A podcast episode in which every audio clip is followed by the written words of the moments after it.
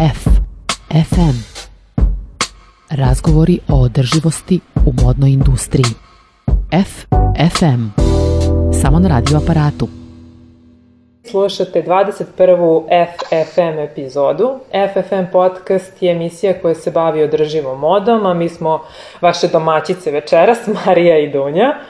E, u ovoj epizodi bavit ćemo se jednom aktualnom temom, a u pitanju su maske za lice i emisiju ćemo podeliti u dva segmenta, gde ćemo u prvoj, prvom segmentu pričati o maskama za lice koje štite od zagađenog vazduha, dok ćemo se u drugom baviti maskama, hiruškim maskama koje smo primorani da nosimo usled ove situacije sa, sa korona virusom. U prvom delu ćemo pričati o odnosu tih e, maski protiv zagađenja vazduha i mode, dok ćemo se u drugom baviti ispravnim odlaganjem maski, e, hiruških maski, koje, eto, ispostavlja se u ovoj situaciji trenutnoj, predstavljaju zapravo ekološku opasnost, jer e, većina ljudi ne zna kako da ih pravilno e, baci, tako da se stvara e.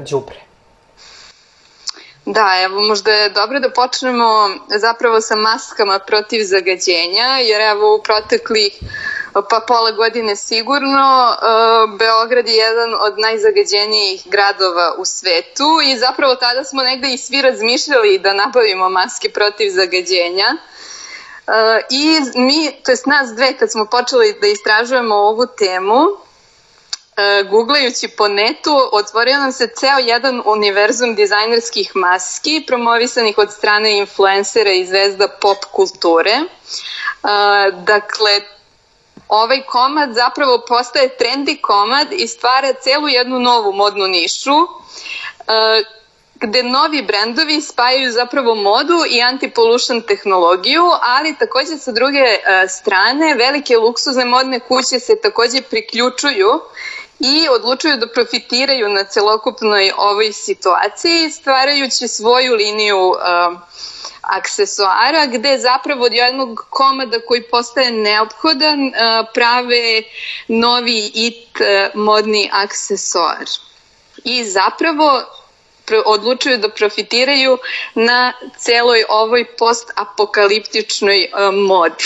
Da, to je neki dakle, trend na koji smo naišle, post-apokaliptična moda, to nam je bilo baš zanimljivo. Činilo nas se da komunikacijom E, tog trenda takvog e, se on zapravo popularizuje na jedan vrlo čudan način. Da.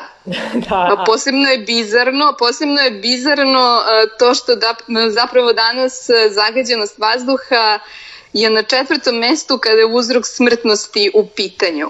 I to odmah iza visokog krvnog pritiska koje je naravno na prvom mestu, na drugom mestu je pušenje, treći najveći uzrok je šećer i četvrto mesto, dakle, zagađen vazduh. I verovali ili ne, od respiratornih problema koju uzrokuju te sitne štetne čestice, PM25, kako se stručno kaže, procenjuje se da godišnje umre oko 7 miliona ljudi u svetu. Da, što je, eto, to je, evo sad čitamo te podatke, to je 9% ukupno smrtnih slučajeva godišnje, znači mnogo više nego koronavirus kojim se mi danas bavimo. I um, te, te čestice prosto uh, nisu, one nikada nisu direktan uzrok smrti, ali uh, one su sitne i zadržavaju se u organizmu i onda prouzrokuju mnoge druge probleme, najčešće respiratorne probleme, uh, koje, od kojih se kasnije umire. Uh, E, tako da je u tom smislu to jedan vrlo zezdut neprijatelj koji nije vidljiv e, odmah, ali se prišunja pa iza ćoška napada. E, vazduh je i dalje, e, kako istraživanja kažu, najzagađeniji u Aziji i Africi, ali kao što verovatno svi koji nas slušate znate i naša zemlja je vrlo često u, tom, u, vrhu te jako ružne liste i to zbog neregulisanih ekostandarda kad je u pitanju industrija ili prevoza. Pored industrijske zagađenosti, to, to je nešto o čemu se manje priča kod nas, čini nam se, tu je i ona zagađenost koja nastaje usled globalnog zagrevanja. Pošto planeta postaje sve toplija, pustinje se šire, a zatim e, vetrovi raznose te prirodne čestice, prirodne materije, koje dolaze i do nas. Podaci pokazuju da su pustinje Sahara, Gobi i Kalahari veće za čak 10% u poslednje dve godine. A e, mi smo imali nedavno, verovatno znate, da smo imali nedavno situaciju, to sad baš je bilo za vreme cele ove korona, koronavirusa i kad saobraćaj nije išao i prosto manje je bilo ljudi na polju, e, da smo imali situaciju da je zagađenost vazduha bila opasno visoka, čini mi se i, i oko 450, a uzrok između ostalog bio prenos te pustinske prašine iz Turske pustinje e, iz oblasti Karakum. I ta, nije samo ta pustinska prašina iz Karakuma jedini izvor čestične materije PM iz prirode na ovim prostorima, već nas, naš region kao i čitava Južna Evropa je pod dominantnim uticajem saharske prašine poreklom iz Sever, Severne Afrike. I sad i do 100 dana u godini sa mediteranskim strujenjima pristiže nam saharska prašina vazduhom, a taj fenomen je, po, mislim, poznati. Ljudi koji se bave izučavanjem vaz, vazduha ovaj, znaju, znaju da se to dešava, jer je upravo taj faktor bio ometajući za primjenu jedne EU direktive, kojem je regulisan maksimalni broj dana u godini sa maksimalnim sadržajem čestica u atmosferi, a naročito za oblast u kojoj se mi nalazimo, a to je e, Južna Evropa. I pored saharske prašine, s vremena na vreme nam stiže i pustinja sa Bliskog istoka, a nedavno smo utvrdili e, čak i sa Islanda. Eto, tako da, eto, to su sve neke stvari koje se završavaju u našem vazduhu e, čudnim vazdušnim strujama. Pa, a čak i kad nam ne stiže ta pustinska da. prašina, teška industrija koja postoji u zemlji svakako prouzrokuje određenu količinu zagađenosti koja takođe prouzrokuje i dovodi do toga da će nam maske zaštitne postati zapravo neophodne. Pa hoće. I, Evo ja preporučujem svima koji nas slušaju da pogledaju e, emisiju Marka, Marka Žvaka. Žvaka. E, da, koji su objavili možda prošle nedelje, koje se upravo bavi e, zagađenom, zagađenim vazduhom u Smederevu. Baš je super emisija. Jeste, i zastrašujuće. Zastrašujuće, Ali da. zato je treba i pogledati.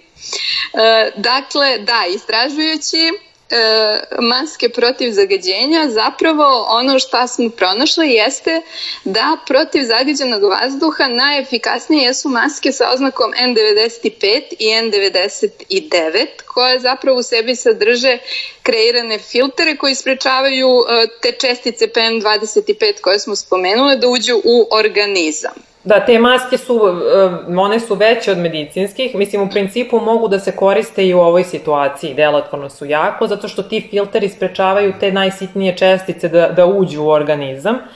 Um, one su, dakle, veće su od medicinskih, imaju vidljiv filter sa strane i akoliko, ukoliko se pravilno stave, pošto se često na to apeluje da ljudi ne nose pravilno uh, te maske, one prave vakum na donjem delu lica i štite od zagađenja. Eto, tako je. da. Mislim, prosto živimo u svetu gde su one neophodne, tako da morat ćemo da ih nosimo. Um, možda samo nije loše da uh, istražimo one koje kupujemo i da vidimo kako da ih pravim, pravilno stavimo, da ne bude da ih nosimo za džabe. Tako je.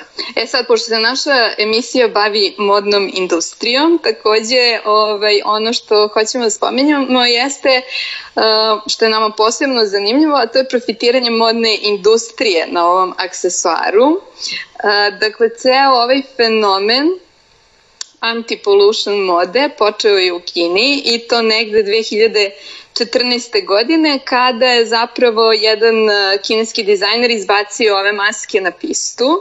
E, takođe pratili, pratili su ga još neki brendovi uh, u Aziji, a negde krajem 2014. ceo ovaj trend uh, postaje prisutan i u Evropi, tako da maske izbacuju i dizajneri poput Maniš uh, Arore, onda zatim tu je modna kuća Fendi koja je štampala i proizvodila maske sa svojim prepoznatljivim logom. Uh, tu je naravno Off-White brand, Da, uh, Gucci, Supreme, Louis Vuitton. Pa uh, Off-White mi je nekako e, sasvim logično da je na ovoj listi, da, jer je, prosto tako. to je brend koji je apsolutni predstavnik hiperkonzumerizma za mene. Tako je, tako je. I koji se trudi da unovči uh, svaki ono uh, trenutni moment i yes. temu koja je aktuelna.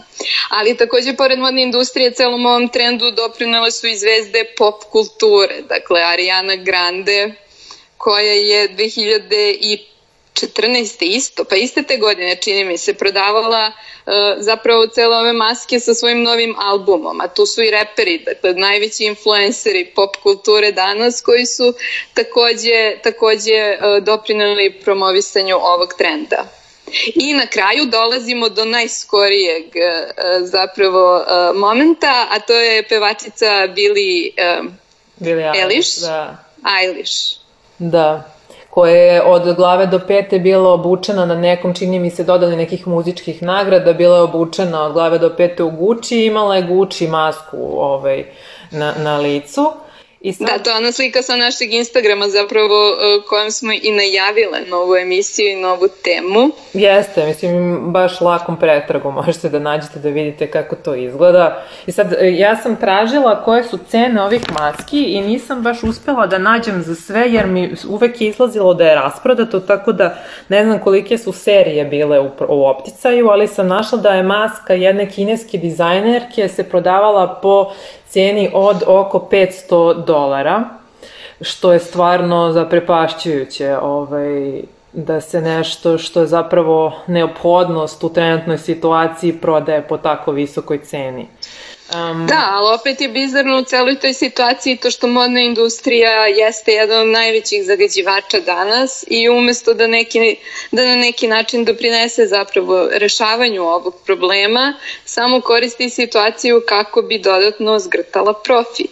Da, evo, ja, ja Tako da možda da... nije loše da se upravo ovde podsjetimo takođe na koje načine sve modna industrija i doprinosi zagađenju i planete, a i vazduha samim tim. Da, mislim, ja bih samo pre toga rekla da um, je meni potpuno razumljivo da ljudi imaju potrebu da u ovoj situaciji, dakle u jednoj situaciji u kojoj je vazduh toliko zagađen, u kojoj je velika neizvesnost, pa sad i ova situacija sa koronom, prosto ljudi imaju potrebu da od nečega što je e, nekakav zaštitni predmet, da tu prosto ulože neku kreativno razmišljanje, da ulože, ulože neku kreativnost kako bi eto tu neku sumornu situaciju napravili boljom. I mislim, čak sam razmišljala o tim influencerima koliko možda oni čak nisu ni svesni šta su zapravo uspeli da kreiraju, jer možda je ta Billie Eilish stavila tu masku kako bi upravo skrenula pažnju na ekološke probleme i na prosto situaciju s vazduhom koja nije baš dobra, ali s druge strane u nedostatku bilo kakvog konteksta to na kraju ispada kao direktna prodaja preskupih maski protiv zagađenja i još stavljanje novac, no, novca u džepove ljudima koji su to zagađenje kreirali. Um, tako je. Da, tako da ovaj, e, na kraju na kraju svega, popularizacijom tim luks, tih luksuznih maski, mi umesto eto od jednog predmeta koji bi trebalo da negde oslikava solidarnost u rešavanju problema i situaciju u kojoj se nalazimo koja nije ni malo povoljna, mi na kraju imamo eto opet jedan konzumeristički aksesoar pod znacima navoda, jer ako nastavimo ovim putem i ako cene tih stvari koje su neophodnost danas počnu da rastu, oni najsiromašniji opet neće imati para da kupe dobre maske za lice, a oni nisu ni učestvovali u kreiranju problema. Dakle, opet će ovi bogataši da zarade na problemu koji, u kojem su kreiranju učestvovali i sami. A evo sad možeš slobodno, izvini što sam te prekinula, ali nastavi sa sa, sa tim... Ne, htela sam samo da se nadovežem sad na ovo što si pričala zapravo, jer postavlja se pitanje koliko su te maske zapravo i delotvorne u, u smislu zaštite od zagađenja, jer one, barem one što sam ja gledala, nemaju taj filter. Nisu profi, osim onih dizajnera koji su direktno sarađivali sa usko specializovanim uh, kompanijama koje se bave uh, zapravo tehnološki uh, izučavanjem uh, i proizvodnjom da, zaštitnih da, maski za lice. Zaštite, da, da. Um, ajde, Ali tipa kažem ti, Gucci i ostali brendovi svakako to proizvode kao novi, novi aksesoar, bez uh, suštinske zaštitne funkcije. Da. Ali da, da se vratim da. na koje načine sve zagađuje. Mislim, molim ovo da spominjemo u krug, čisto, čisto da, da ne zaboravimo i da nam ostane uvek u glavi. Ali, dakle, da, modna industrija jeste jedan od najvećih svetskih zagađivača vazduha i e, zapravo je e, šokantan podatak da je čak i više nego čitava transportna industrija e, zajedno. Danas proizvodi 10% ukupnih svetskih e, emisija CO2, a procenjuje se, to jest proračuni su, da će ukoliko nastavi ovim tempom da se razvija do 2050. godine biti odgovorna za ukupno četvrtinu svih emisija u svetu. Da, to je baš mnogo. Da.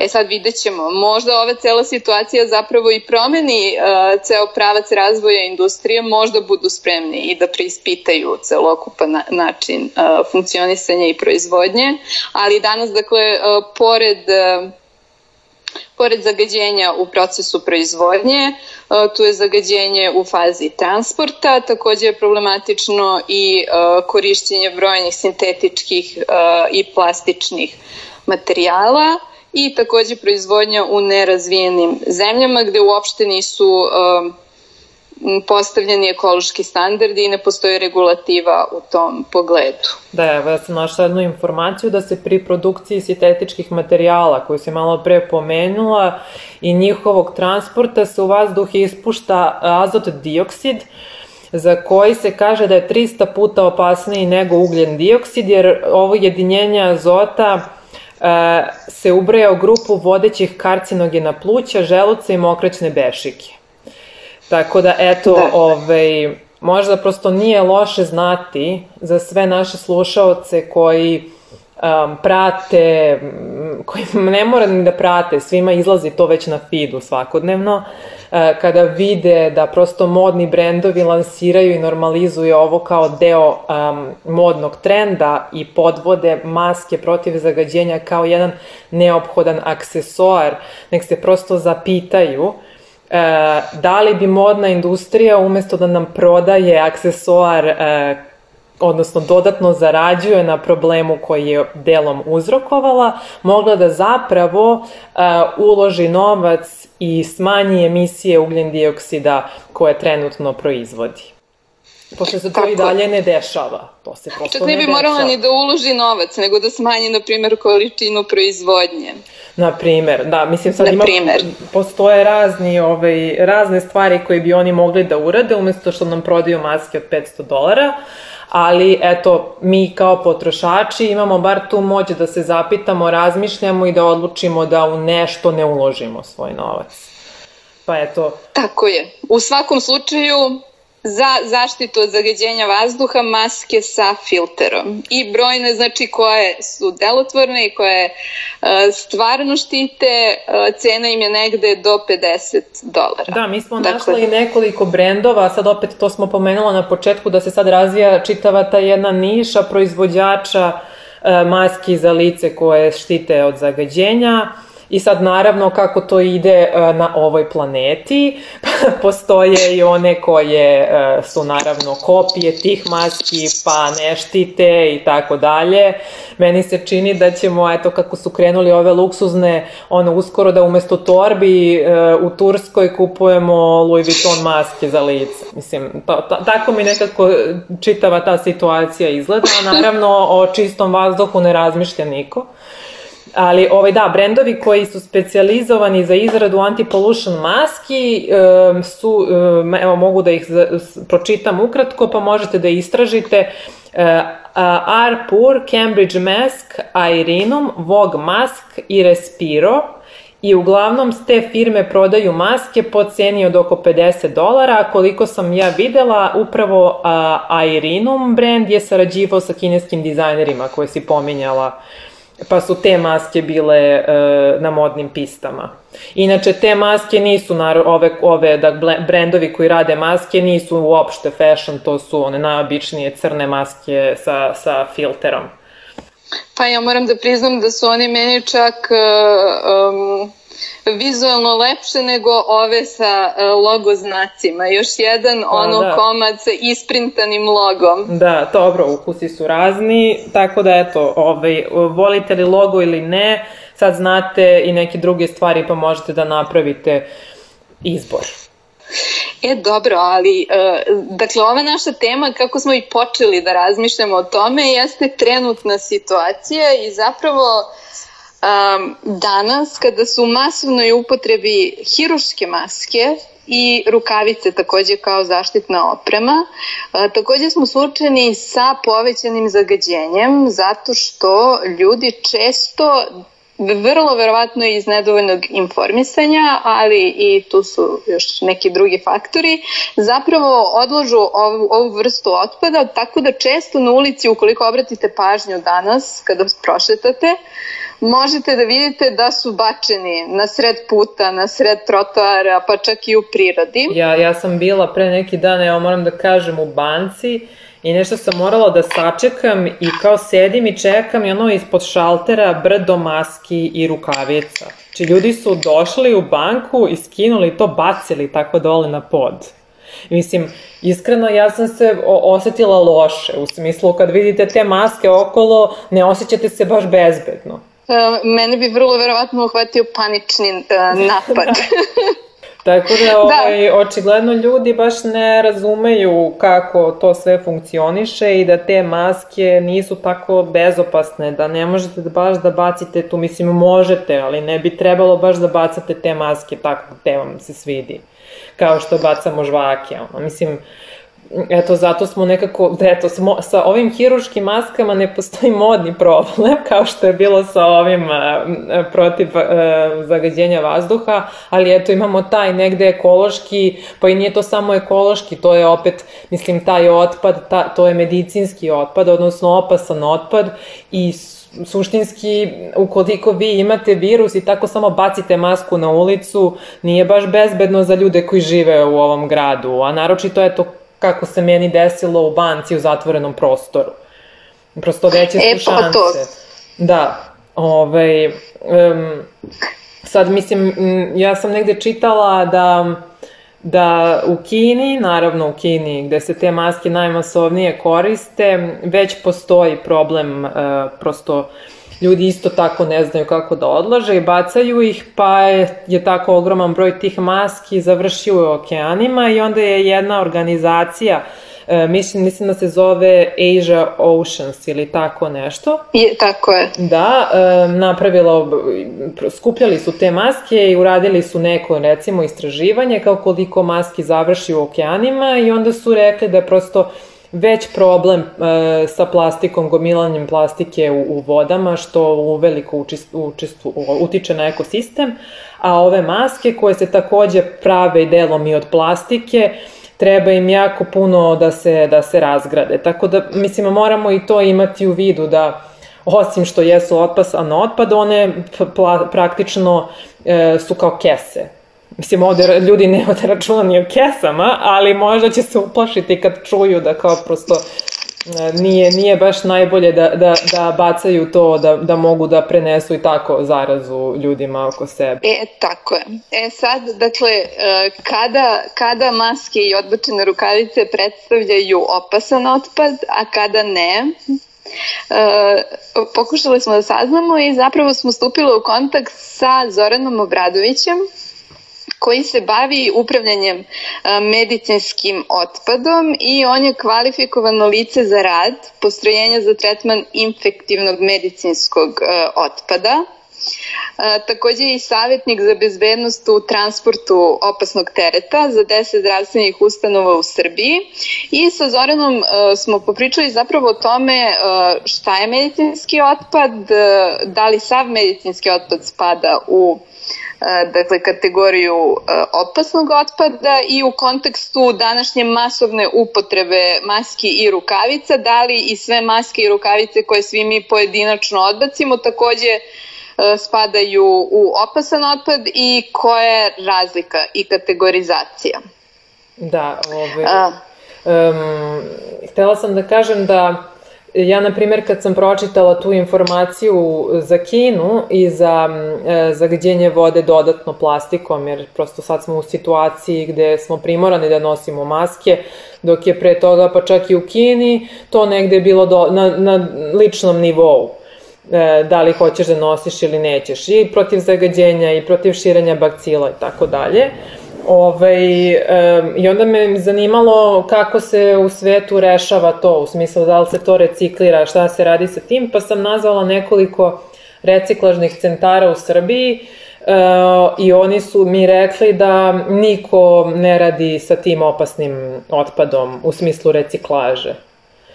Tako da, evo, Zoran nam je rekao, na primer, da se pod medicinskim otpadom podrazumeva sav otpad koji nastaje u zdravstvenim ustanovama i on predstavlja mešavinu opasnog i neopasnog. Opasnog otpada ima oko 25%, ali ako je pomešan sa neopasnim, onda se sav otpad smatra opasnim i po, mora se tretirati i postoje zakoni koji određuju na koji način se taj opasni otpad e, tretira. On se dakle prvo razvrstava na mestu nastanka i to je uglavnom u zdravstvenim ustanovama i to vrši medicinsko osoblje koje zna na koji način se to radi. Um, sav taj otpad ima pakovanje, odnosno propisne ambalaže i nalepnice kojima se označava kao opasan. Um, to je regulisano, eto zakon koji smo pomenuli, je regulisan zakonom o upravljanju otpadom i pravilnikom o upravljanju medicinskim otpadom, kao i još nekim podzakonskim aktima, pa ako neko za, nekoga zanima može da, da pročita dodatno na koji način e, su ti zakoni rešeni. I sve ove vrste otpada koje nastaju u zdravstvenim ustanovama se znači razvrstavaju, pakuju, označavaju kao opasne i onda dalje e, onda dalje idu na, na tu neku sterilizaciju, odnosno e, ceo taj, ceo taj otpad, otpad se e, kasnije odlaže u određene kontejnere i posle se, e, kako nam je, kako je on rekao, ta, taj uh, otpad se posle ja mislim steriliše i postaje neopasan i onda se tretira kao i sva druga, sav drugi otpad.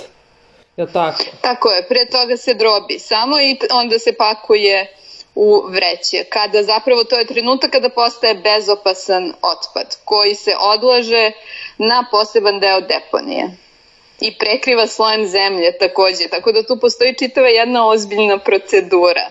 Da, mislim zato što on ljudi podrazumevaju da postoji mogućnost curenja ukoliko je neka tečnost u pitanju, pa postoje procedura i za to. E, prosto e, odlaganje ove vrste otpada nije tek tako. Nije da možete baš da bacite na, na ulicu i čini mi se da to ljudi ne znaju. Mislim, sad naravno niko od nas ne zna kako da upravlja tom vrstom otpada, ali ne znam koliko informacija postoje, a da su javne, da možemo da se informišemo i da znamo šta treba da radimo. Tako je. E, nama je Zoran rekao zapravo da kada je reč o um, korišćenju maski i rukavica od strane pojedinaca ne postoji jasno propisana obavezna procedura, ali, na primjer, u sadašnjoj situaciji, ono što je, na primjer, bilo zanimljivo, što, mislim, ja sam prvi put čula od njega, nisam čula nigde ono da se tipa na vestima ili u bilo kojim medijima priča, to je da ljudi koji su zapravo uh, inficirani sa ovim virusom, ali su u kućnoj izolaciji, na kućnom lečenju. Dakle, nakon korišćenja maski i rukavica potrebno je da zapravo skupe taj otpad u jednu kesu i da ga poprskaju nekim hlornim preparatom i zatim ostave da odstoji 72 sata.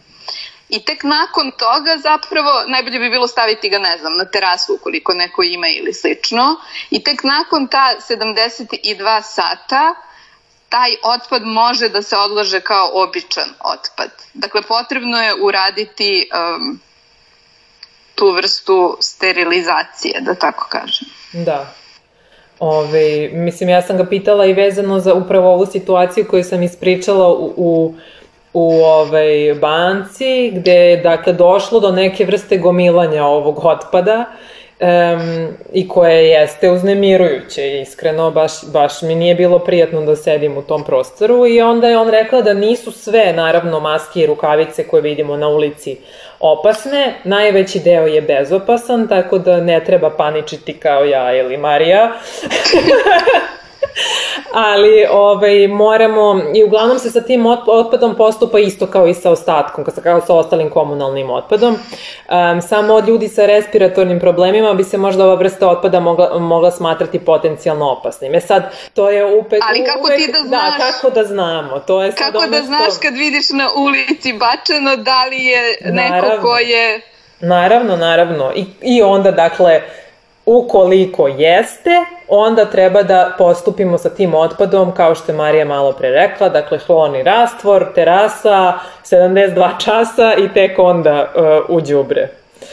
Um, eto, to je, to je, to je um, negde, negde uh, ukratko, čini mi se, uh, ono što nam je, što nam je Zoran rekao. Ne znam da li sam Jeste, zaboravila. E sad ima, pošto, ne znam, Ove, ne, meni je takođe zanimljivo, imamo celu situaciju uh, i u svetu, a i kod nas, da su se um, mnogi uključili i zapravo odlučili sami da šiju maske od da, tekstila, što je divno. U nedostatku dovoljno, dovoljne količine ovih medicinskih. Prosto ljudi Tako su odlučili da, da sami prave zaštitu za sebe. Da, tako da je zanimljivo um, to da u ovom slučaju, kada je reč o tekstilnim maskama, zapravo procedura koju bi trebalo ovaj, poštovati jeste ta da se nakon korišćenja iskuvaju bar 10 minuta i tek nakon toga da se bace kao komunalni otpad. Da, ono što je dobro sa ovom vrstom maski je što su one, mogu da se koriste više puta. Znači, ukoliko ih peglate i iskuvavate, time ubijate viruse i bakterije i možete ponovo slobodno da ih koristite. Ali opet, ukoliko ih odbacite, negde je preporuka da se one iskuvaju opet, pre nego što završe, završe na deponiji. I još jedna stvar koja je dobra vezano za ove maske jeste ukoliko su pamučne, a koliko sam videla ovi naši uglavnom prave pamučne maske, one su biorazgradive i brzo, se, brzo će se razgraditi na deponijama, prosto kao i sav drugi pamučni tekstil. Tako, tako da je tako ta, da sumiramo. Da, u tom nekom smislu impakt na prirodu je minimalan. Eto. Da. Tako je. Ali dakle... ajde, ajde da sumiramo. Da, ukoliko dakle nosite hiruške plastične maske, negde pravilo bi bilo da, dakle, nikako ih ne bacate na ulicu, već ih odložite u posebnu kesu, kantu, kako god, e, isprskate našpricate hlornim sredstvom sredstvom, ostavite da stoje 72 časa i tek onda ih bacite kao najobičniji komunalni otpad jer tada su one sterilizovane i e, prosto nisu štetne ni za, za ljude okolo, a prosto ima, postoji procedura kojom dalje one završavaju na deponiji. Um, a ukoliko nosite ove pamučne, iskuvate ih 10 minuta i tek onda bacite u, u otpad. Eto, to bi negde bilo ukratko i evo ovom prilikom možemo odmah da se još jednom zahvalimo Zoranu što, je, što nam je izašao u susret i, i odgovorio nam na, na ova pitanja. Podelio sa nama. Tako je. Ukoliko Tako budete je. nakon slušanja ove emisije imali još neka pitanja, možete nam proslediti pa ćemo mi dalje pitanja za Zorana, izvinjavam se, možete nam proslediti pa ćemo i mi njemu i onda možemo da vam odgovorimo putem naših društvenih mreža. Da, takođe ćemo podeliti ove informacije i na Instagramu, tako da ostaće da, online da. svakako. E sada... Ovdje, e sad da. Da, imali smo uh, upravo ovo što je Marija pomenula, um, malo je zapravo teško doći do informacije kako upravljati otpadom generalno, a ovom vrstom otpada tek. I ne znamo ni kolika je zainteresovanost ljudi za to, um, za, za prosto E, čak i u ovoj situaciji gde eto, mi imamo potencijalnu opasnost od te vrste otpada, čini mi se da niko o tome ne razmišlja ili vrlo mali broj ljudi razmišlja o tome. U svakom slučaju ja ne uspevam nigde da nađem neke konkretne javne informacije e, tako lako da bih uopšte mogla da saznam. Um, I onda smo... Pa ne, ali pazi, evo sad je I ova procedura kako se maske koriste, kako se odlažu, to je nešto što bi trebalo da se komunicira takođe. Mislim, kako ljudi mogu da znaju ako im niko nije rekao, a nema u javnosti i to je činjenica. Da, i onda smo mi naišle na um, dve devojke koje uh, rade u organizaciji konferencije Eko 20, to su Anđela Mačetić i Anđela Pavković, koje na svojim kanalima već neko vreme upravo obaveštavaju ljude o tome na koji način pravilno um, upravljati ovom vrstom otpada i čak neke dodatne informacije za sve one koje zanima i ekologija, kako dodatno da, da se oslobode ove vrste otpada, da on ne bude opasan po sredinu. Tako. Zapravo kad smo došli na ideju da se bavimo ovom temom, uh, Naše istraživanje je teklo tako što je Dunja zapravo tražila sve redom reciklažne centre koje se bave opas, reciklažom opasnog otpada i naravno nije uspela um, E, da dobije informacije ni od e, jednog centra sa kojim je stupila u kontakt. Zatim smo na Instagramu uh, Anđela Marčetić i Anđela Pavković, Eko 20, zapravo naišli na post koji je upravo sadržao informacije kako se, kako se odlažu i kako se koriste maske i rukavice i to je zapravo razlog što smo ih izvale danas. Da, evo samo, e, samo, samo da dodam da e, nis, nije da mi nisu odgovorili, odgovorili su mi, samo, samo mi niko, nije, niko od njih, bar ovi o, sa kojima sam ja uspela da skupi, stupim u kontakt, niko od njih se ne bavi reciklažom opasnog otpada. E, ali su mi se javili. da, da, ali e, mislim, rekla sam u smislu nisu ti pružili da, informacije da, koje, da, da. koje si prosto tražila. Da, ali smo na kraju eto došli i do Zorana preko ličnih kontakata. Da. E, uglavnom, Naših prijatelja, tako da...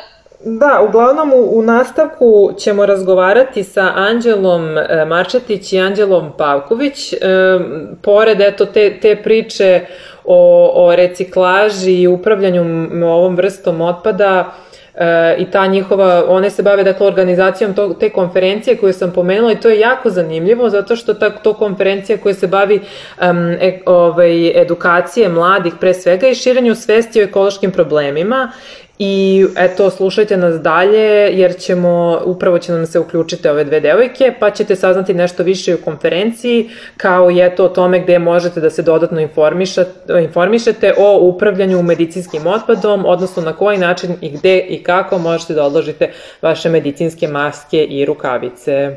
Radio aparat Evo da počnemo. Dakle, naše prvo pitanje je da li uh, imate utisak da ljudi nisu dovoljno informisani i da zapravo ne znaju u postojećoj situaciji šta da rade sa maskama i rukavicama i na koji način bi trebalo ispravno da ih odlažu? Dobroveče svim vašim slušalcima na početku i zahvaljujemo vam se na pozivu. E, pre nego što konkretno odgovorimo na ovo pitanje, e, napomenula bih da smo koleginice i ja po struci e, agroekonomisti i da su neka naša interesovanja u poslednjem periodu bila fokusirana ka zelenoj ekonomiji i ekologiji, te tako i nastala inicijativa Eko 20 konferencija, a u prethodnom kvartalu smo za neke potrebe ekokonferencija, ali i radi sobstvene edukacije istraživale e, temu upravljanja otpadom, te tako i medicinskim otpadom. Mhm. Koleginica je izvojila neke najvažnije podatke koje bi možda trebalo napomenuti, pa Anđela izvoli. E, hvala, zdravo svima i od mene. Ja ne bih mnogo zamarala podacima, ali mislim da je sasvim u redu da stvorimo neku početnu sliku o uopšte upravljanju medicinskim otpadom, o tome šta je medicinski otpad, jel? A, u Srbiji se godišnje, prema zvaničnim izvorima, znači Ministarstva zdravlja, a, proizvede oko 48.500 tona otpada, mislim medicinskog da, da. otpada, da. ukupno. E sad, od svog tog otpada dve trećine je onaj koji nije opasni otpad, a od e, svog tog ukupnog jedna trećina jeste opasni otpad. E sad, e, pričamo o otpadu koji se ukupno proizvede i, o, i u medicinskim, odnosno zdravstvenim ustanovama, ali i u komunalnim e, sredinama, odnosno domaćinstvima i slično od one jedne trećine koja zapravo jeste opasni otpad, jako, jako mali procenat proizvodi se zapravo u domaćinstvima kao komunalni otpad. U taj otpad u trenutnom slučaju spadaju i ove maske i rukavice kao zaštitna sredstva u trenutnoj pandemiji, jel? ali a, ukoliko se njima nepravilno upravlja, kao što smo možda zatekli u našem okruženju, ne može, sa, a, ne može se reći da je ono 100%, provereno opasni medicinski otpad, već treba napomenuti da je potencijalno opasni otpad, zato što ne znamo iz koje je sredine, odnosno iz, kako je njegovo poreklo, odakle on potiče, da. konkretno i laički, ko je nosio te maske, ko je nosio rukavice, šta je radio dok ih je nosio, I naglasila bih još samo da kada kažemo potencijalno opasni medicinski otpad, treba da kažemo znači nastao u lokalnoj zajednici kako bismo definitivno odvojili to od zdravstvenih ustanova, jer u zdravstvenim ustanovama se zna i zakonom je određeno tačno kakav protokol postoji kada se upravlja maskama, rukavicama, drugim infektivnim ili, ili bilo kakvim drugim medicinskim otpadom. Da, da, mi smo I svakako... Pričale, ovaj, samo, na primjer, zanima me, um, mi nismo imali, prosto nismo živeli, nismo doživeli situaciju pandemije i ne znamo koliko ima mhm. tog komunalnog otpada sada, jer prosto um, preporuka je da svi građani nose medicinske maske i rukavice. Aha. Tako da je svakako u trenutnoj situaciji čini mi se povećana količina komunalnog otpada. Mm -hmm. Ne, ne, naravno, mislim, to sve stoji, samo uh, opet u poređenju sa da, svim da, da. onim otpadom koji se proizvede, to je jako mali procenat i kada se izračuna opet i taj porast, odnosno taj trend rasta korišćenja tog medicinskog otpada, Ma, on, neću reći nije značajan, ali na globalnom nekom nivou celokupne potrošnje nema toliko veliki uh, udeo. -hmm. Tako je. I svakako uh, i da li su to uslovi pandemije ili ne, veoma je važno da budemo upoznati sa tom nekom opštom definicijom opasnog otpada. Dakle, što on može da podrazumeva? To je otpad koji po nekom svom poreklu, sastavu ili koncentraciji opasnih materija uh, može da prouzrukuje opasnost po životnu sredinu, kao i po zdravlje drugih ljudi i najmanje ima jednu od opasnih karakteristika koje su utvrđene naravno posebnim pravilima i tu je važno da naglasimo svakako i ambalažu u kojoj se opasan otpad u, u kojoj je on upakovan ili u kojoj je bio. Um, tako da e, trebalo bi da i van ovo, ove pandemije COVID-19 budemo informisani o, o tome kako se taj otpad, kako se upravlja njime, ali i da znamo šta zapravo zapravo to znači uh, uh, opasan otpad i nešto što je neizbežno uh, što smo zapazile koleginice i Anđela i ja da su ne samo maske i rukavice nepravilno odložene već i da se nepravilno koriste da, da. a neki logični sled nepravilnog odlaganja je upravo taj tako da razlog nije, na, nije nam striktno poznat jer ne dolazimo iz, iz te neke E, konkretne medicinske sfere, ali i Srbija se trenutno nalazi u pandemiji prvi put, pa nisu još uvek e, sva istraživanja ni sprovedena i sve mhm. ostalo. Da, Tako mi, da... Smo, mi smo u tom prvom delu emisije razgovarali sa osobom koja se bavi e, upravljanje medicinskim otpadom i on nam je rekao da e, upravo taj potencijalno opasni otpad koji koji svi mi danas moramo da koristimo, dakle maske, rukavice, ovde konkretno mi smo se time bavile, da je potrebno odložiti u neku kesu ili kantu, isprskati hlornim rastvorom, ostaviti da stoje 72 časa i tek onda ukloniti uh mhm. -huh. kao obični komunalni otpad. Dakle, to je neka preporuka lica koje se bavi upravljanjem ovog vrstom otpada. Um, ja bih volala vas da pitam e, koliko vi smatrate da ove informacije uopšte uopšte postoje u nekoj javnoj sferi, e, koliko su dostupne svima nama građanima.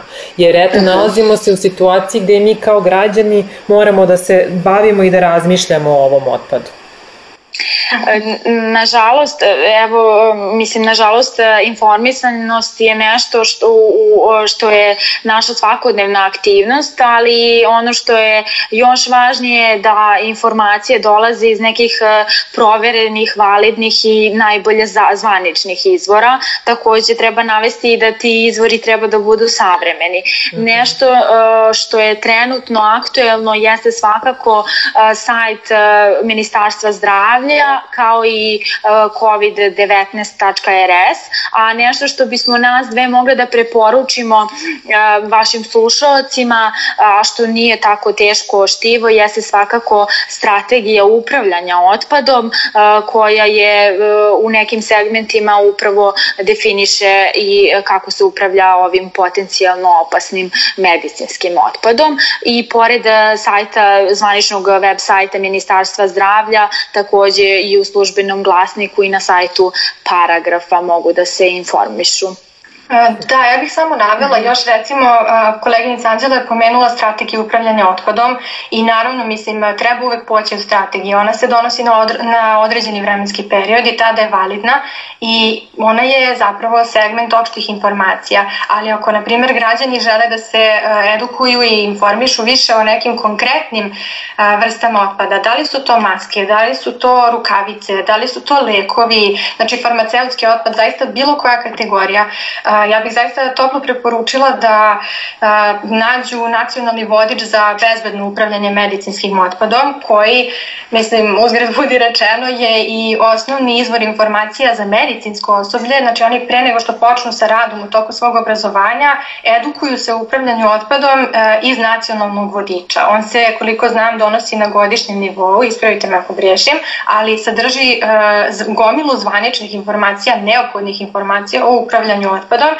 i osim što se naravno tiče medicinskog osoblja i njihove edukacije, ima i ceo segment o upravljanju otpadom u komunalnim zajednicama, koji je dakle ovaj otpad koji pravimo svi mi kao stanovništvo Republike Srbije, jel? Mm -hmm. I naravno, tako je, tako je. pored svega toga, navela bih i recimo a, sajt Svetske zdravstvene organizacije, naravno, jer mislim odatle polaze sve informacije koje se tiču zdravlja na globalnom nivou. Da li je to upravljanje medicinskim otpadom ili su to informacije o trenutnom zdravstvenom stanju na globalnom nivou, pandemiji ili čemu god, bilo kakva informacija koja potekne, potekne od njih. I tek onda se dolazi do delanja na nivou, ne znam, vrhovnih organa, na nacionalnom nivou, odluka na regionalnom nivou i slično.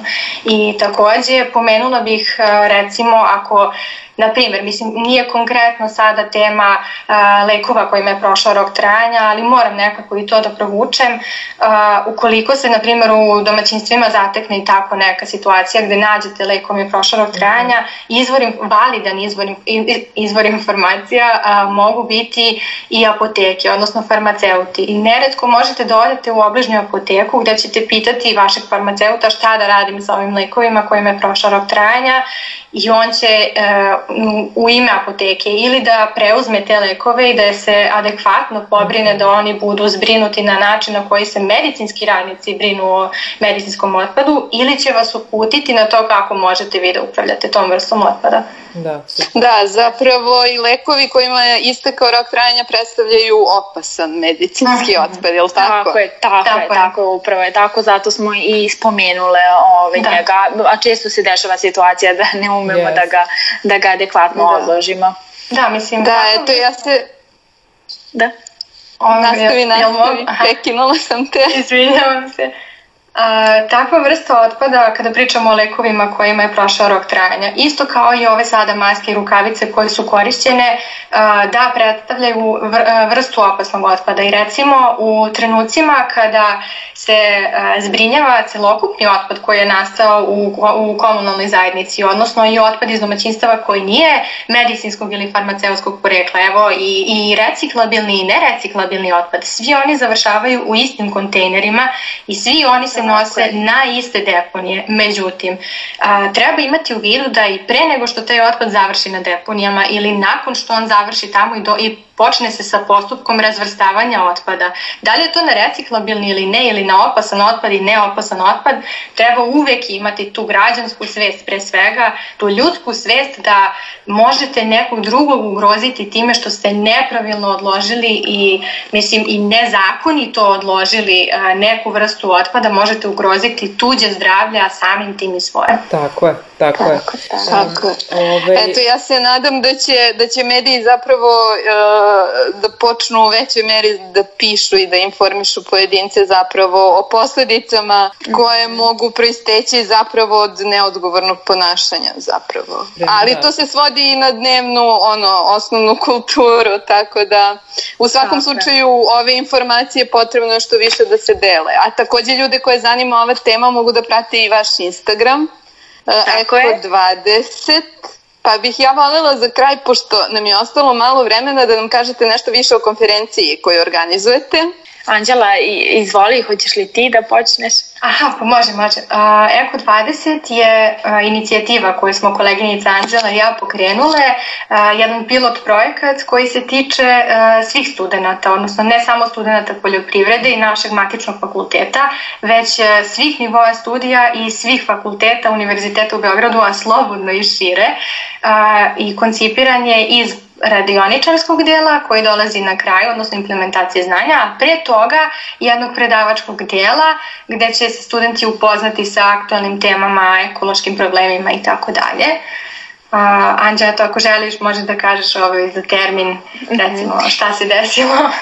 Pa, s obzirom na to da e, je e, eko konferencija planirana sredinom marta, usled ove pandemije mi smo je odložili, tako da za novi termin čekamo prolazak ovog stanja, konferencija će biti realizovana i recimo možda bih mogla da napomenem e, kojim ćemo to temama da se bavimo upravo u tom prvom delu mm.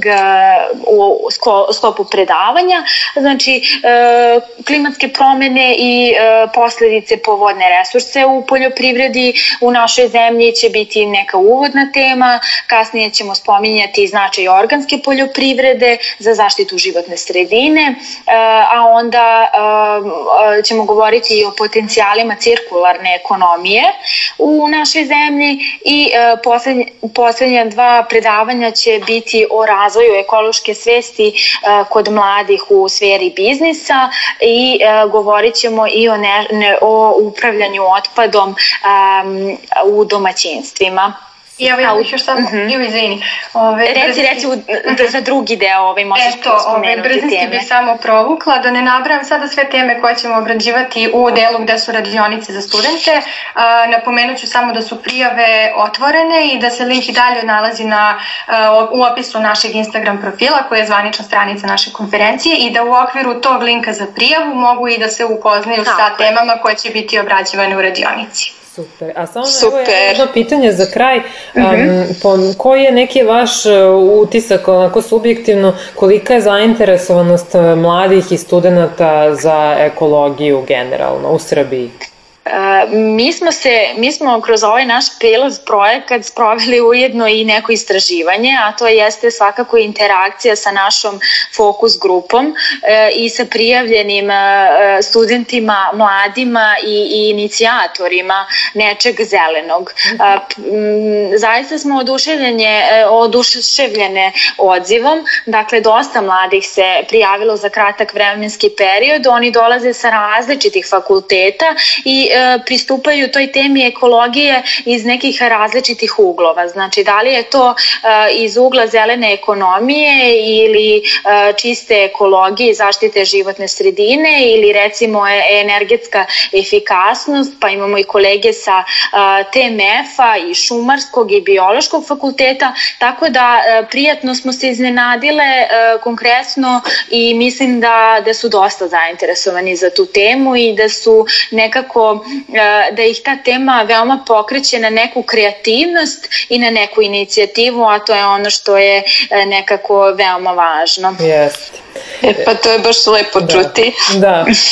Ove, eto, Tako je. da, želimo vam sreću i da ova situacija prođe i da se konferencija desi i ako ne prođe da se desi na Zoomu, ovaj, ali samo da se desi jer je, jako, jer je to jako je. važno.